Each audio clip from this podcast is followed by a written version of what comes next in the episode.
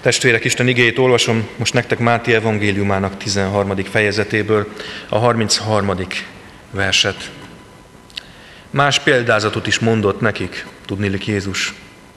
Hasonló a mennyek országa a kovászhoz, amelyet vesz az asszony, belekever három mérce lisztbe, míg végül az egész meg kell. Míg végül az egész meg kell. Amen.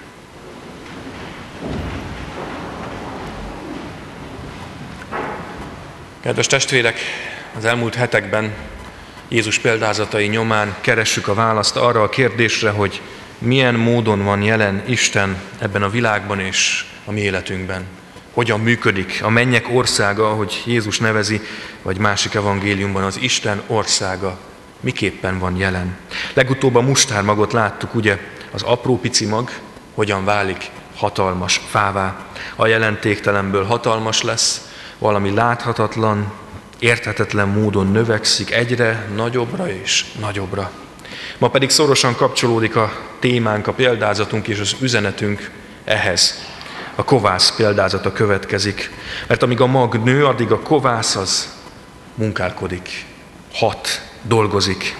A kortársak szemében képzeljük el az ókori embert, egy szinte megmagyarázhatatlan jelenségnek tűnt mindez. Nem értették még, hogy mi zajlik le ott igazából a molekulák, atomok szintjén.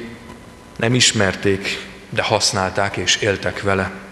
Mert érezték és tapasztalták, hogy a kovásszal megkelesztett kenyér puhább, finomabb volt, mint a kovásztalan.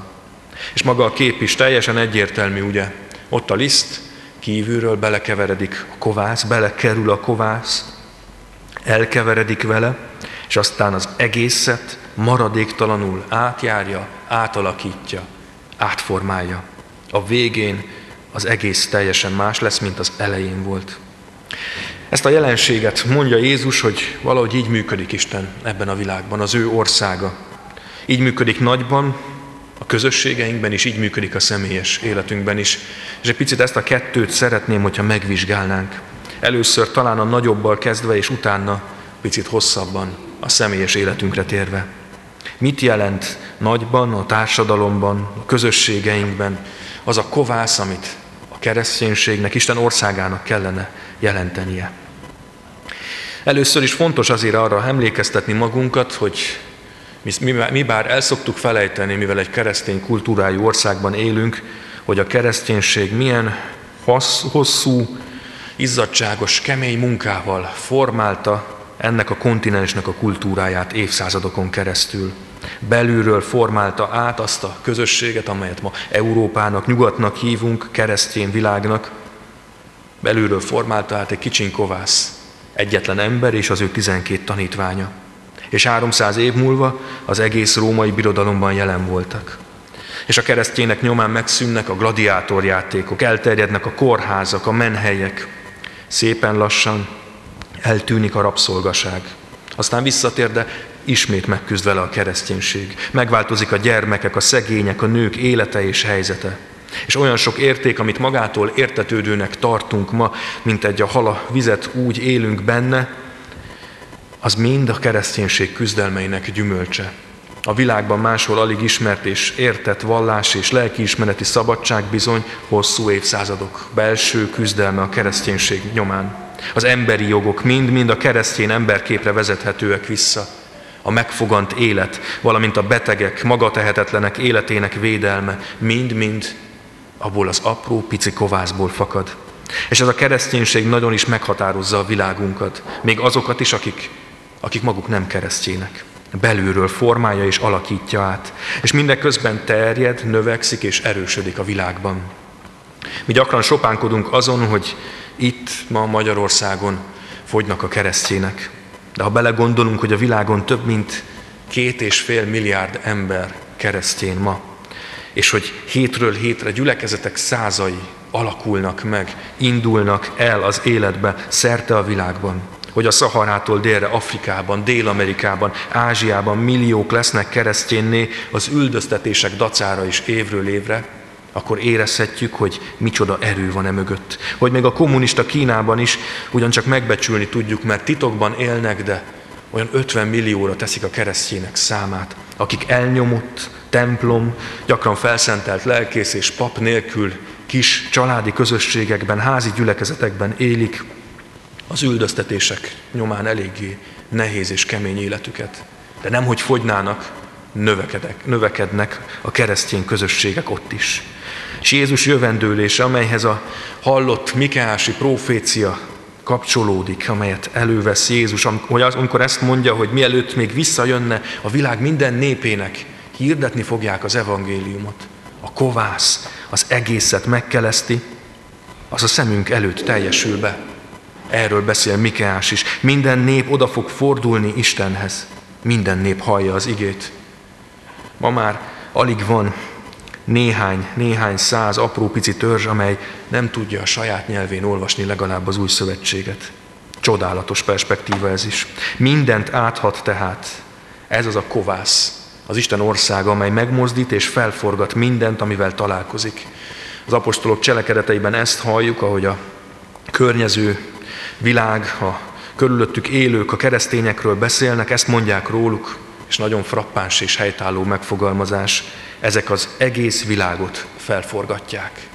Ezek az egész világot felforgatják, és ez így is van rendjén, a kereszténység felforgató, vagy pedig nem kereszténység. Belekeveredik a világba, és bizony belekeveredik minden ügybe, amely a világot és benne minket meg, megfog és foglalkoztat. Látszólag belesimul, mint a kovász a lisztbe, eltűnik nyomtalanul. Aztán csak egyszer azt látjuk, hogy megváltozik minden.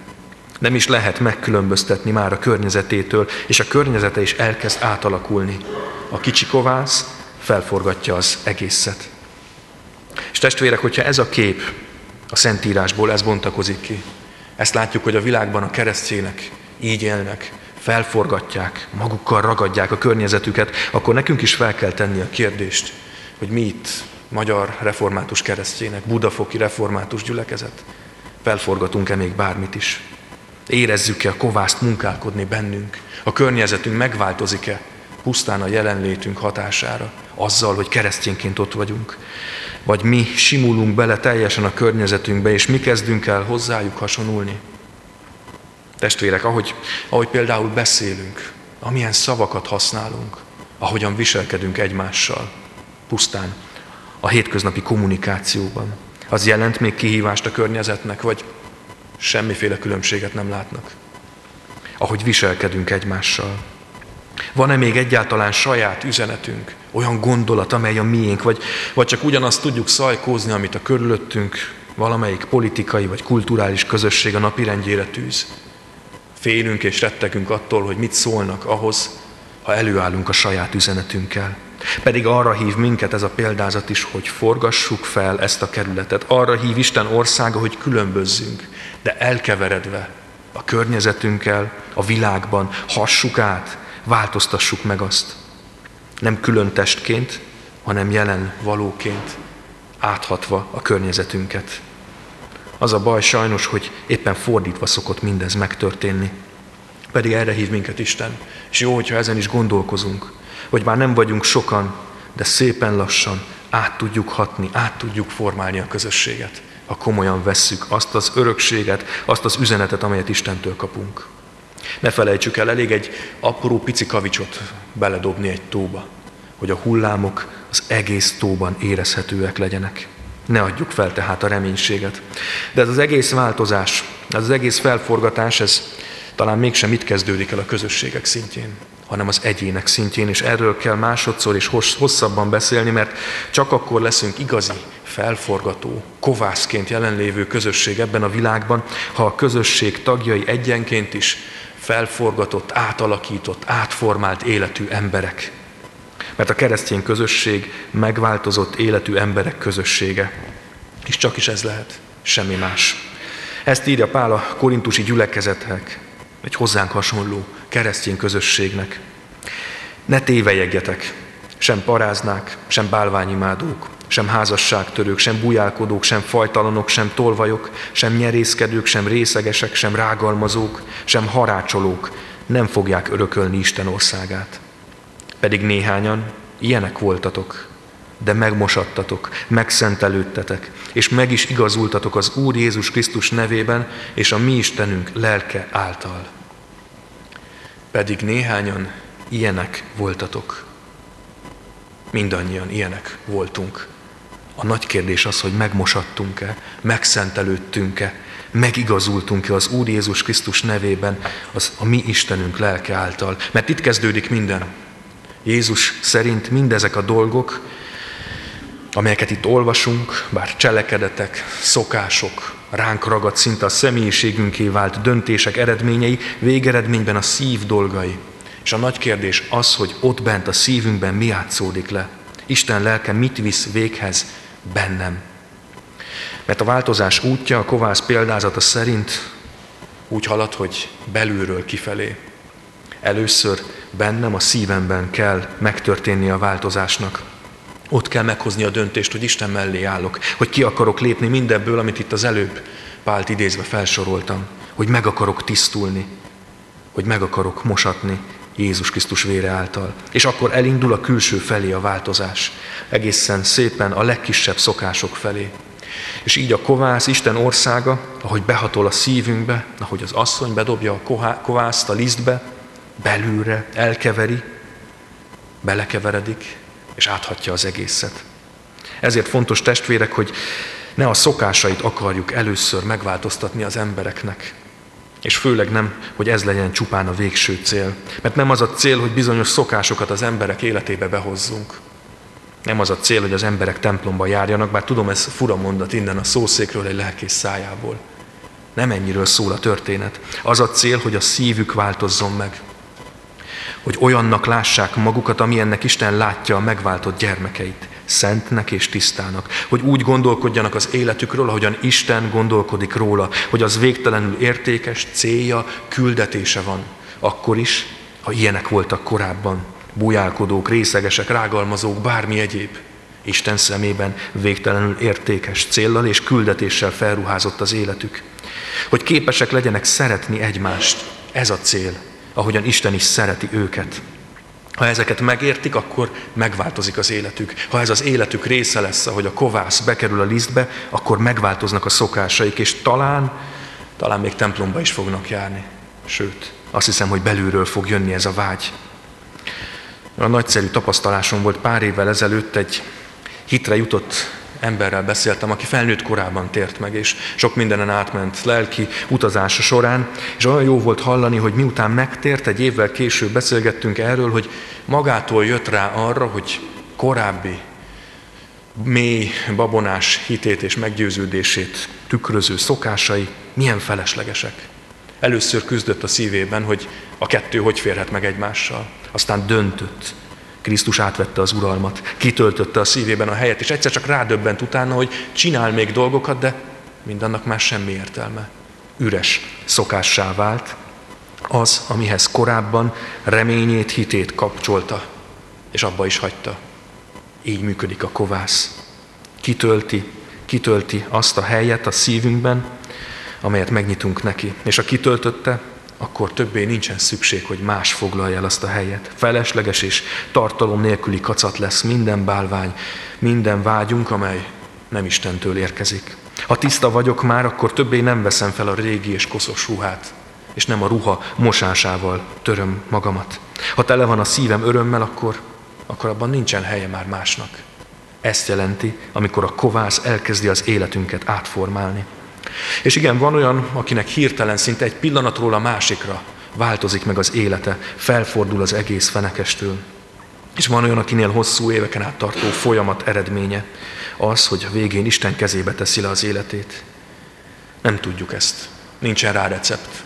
Nem értjük, mint az ókori ember a kovász működését. Egy biztos, hogy dolgozik számunkra érthetetlen, kiismerhetetlen módon.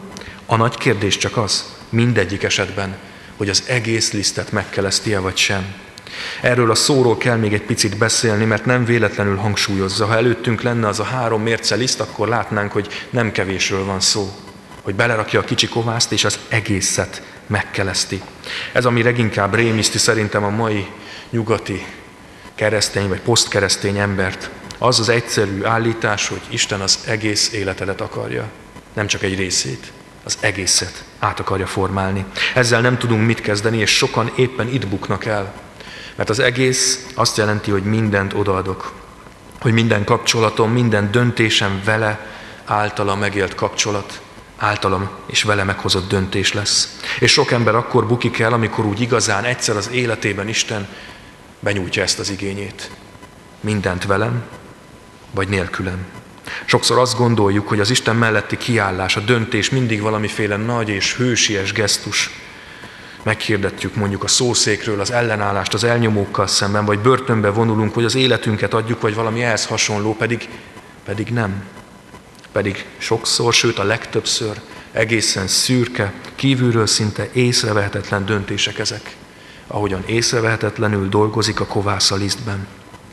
Ilyen lehet az, amikor kitartok a munkahelyemen, akkor is, amikor nehéz, mert hiszem, hogy hivatás, Istentől megkapott hivatás. Ilyen az, amikor visszautasítok egy visszautasíthatatlan ajánlatot, amelyet a lelkiismeretemmel kellene megfizetni. Ilyen az, amikor megmaradok barátnak egy bukott, mások által elfelejtett, visszautasított ember mellett. Ilyen az, amikor megőrzöm az alázatot a csúcson, vagy éppen a reménységet a legnagyobb mélységben. Ilyen az, amikor megmaradok ott a családban, a családi vár fokán, a kísértések idején. Vállalom az esküt, a kimondott, megfogadott szót és a meghozott döntést akkor is, amikor már nincs ott a szenvedély, a vágy, oly sok minden. Pedig sokak szerint csak ezek számítanak. Ilyen az, amikor felszólalok akkor, amikor mindenki más hallgat, és egyszerű lenne nekem is befogni a számat.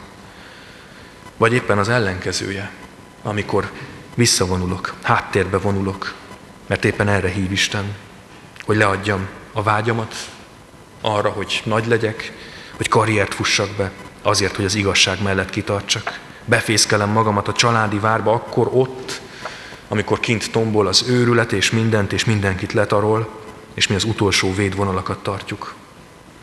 Ezek csak példák, testvérek. Mindannyiunknak meg kell küzdeni ezt a harcot, mert az egésznek meg kell kelnie, az egész életünkkel kell odaállni. Mindannyiunknak máshol van a frontvonal. De ha dolgozik bennünk a kovász, akkor érezzük ezt a feszültséget, legalább néha. És pont ez mutatja meg, hogy bennünk van a kovász, mert átjár belülről, újra és újra nehéz helyzetekbe hoz, és így formálja a szívünket, azzal, hogy belevisz minket a feszültségbe. Testvérek, tegyük fel magunknak a kérdést. Mikor volt utoljára nehéz kereszténynek lenni? Volt egyáltalán ilyen? Valaha? Hogy nehéz volt kereszténynek lennem, bárhol, magánéletben, munkán, munkában, akárhol az életemben. Ha nem volt ilyen mostanában, akkor gondolkozzunk el. Nagyon gondolkozzunk el rajta. Vagy mikor volt utoljára nehéz megbocsátani. Mert akkor nem nehéz, ha, ha nem szoktunk megbocsátani. Ha keresünk mindig valami kifogást arra, hogy ne kelljen megbocsátani. Vagy mikor volt utoljára nehéz kiállni az igazság mellett másokkal szembe, vagy éppen magammal szemben, mert engem is megítélt az általam felismert és képviselt igazság. Csak akkor nem nehéz, ha nem szoktuk megtenni. Kedves testvérek, Isten országa így a mi életünkön keresztül csendben, de folyamatosan tevékenykedik, hat, formálja át az emberi szíveket, döntéseket. A kérdés az, hogy beleállunk-e, hogy engedjük-e, hogy helyet adunk neki a szívünkben. És ha rajtunk elkezdi a munkát, akkor át fogja hatni a közösségeinket, gyülekezetünket, országunkat és népünket is. Adja Isten, hogy így legyen. Amen.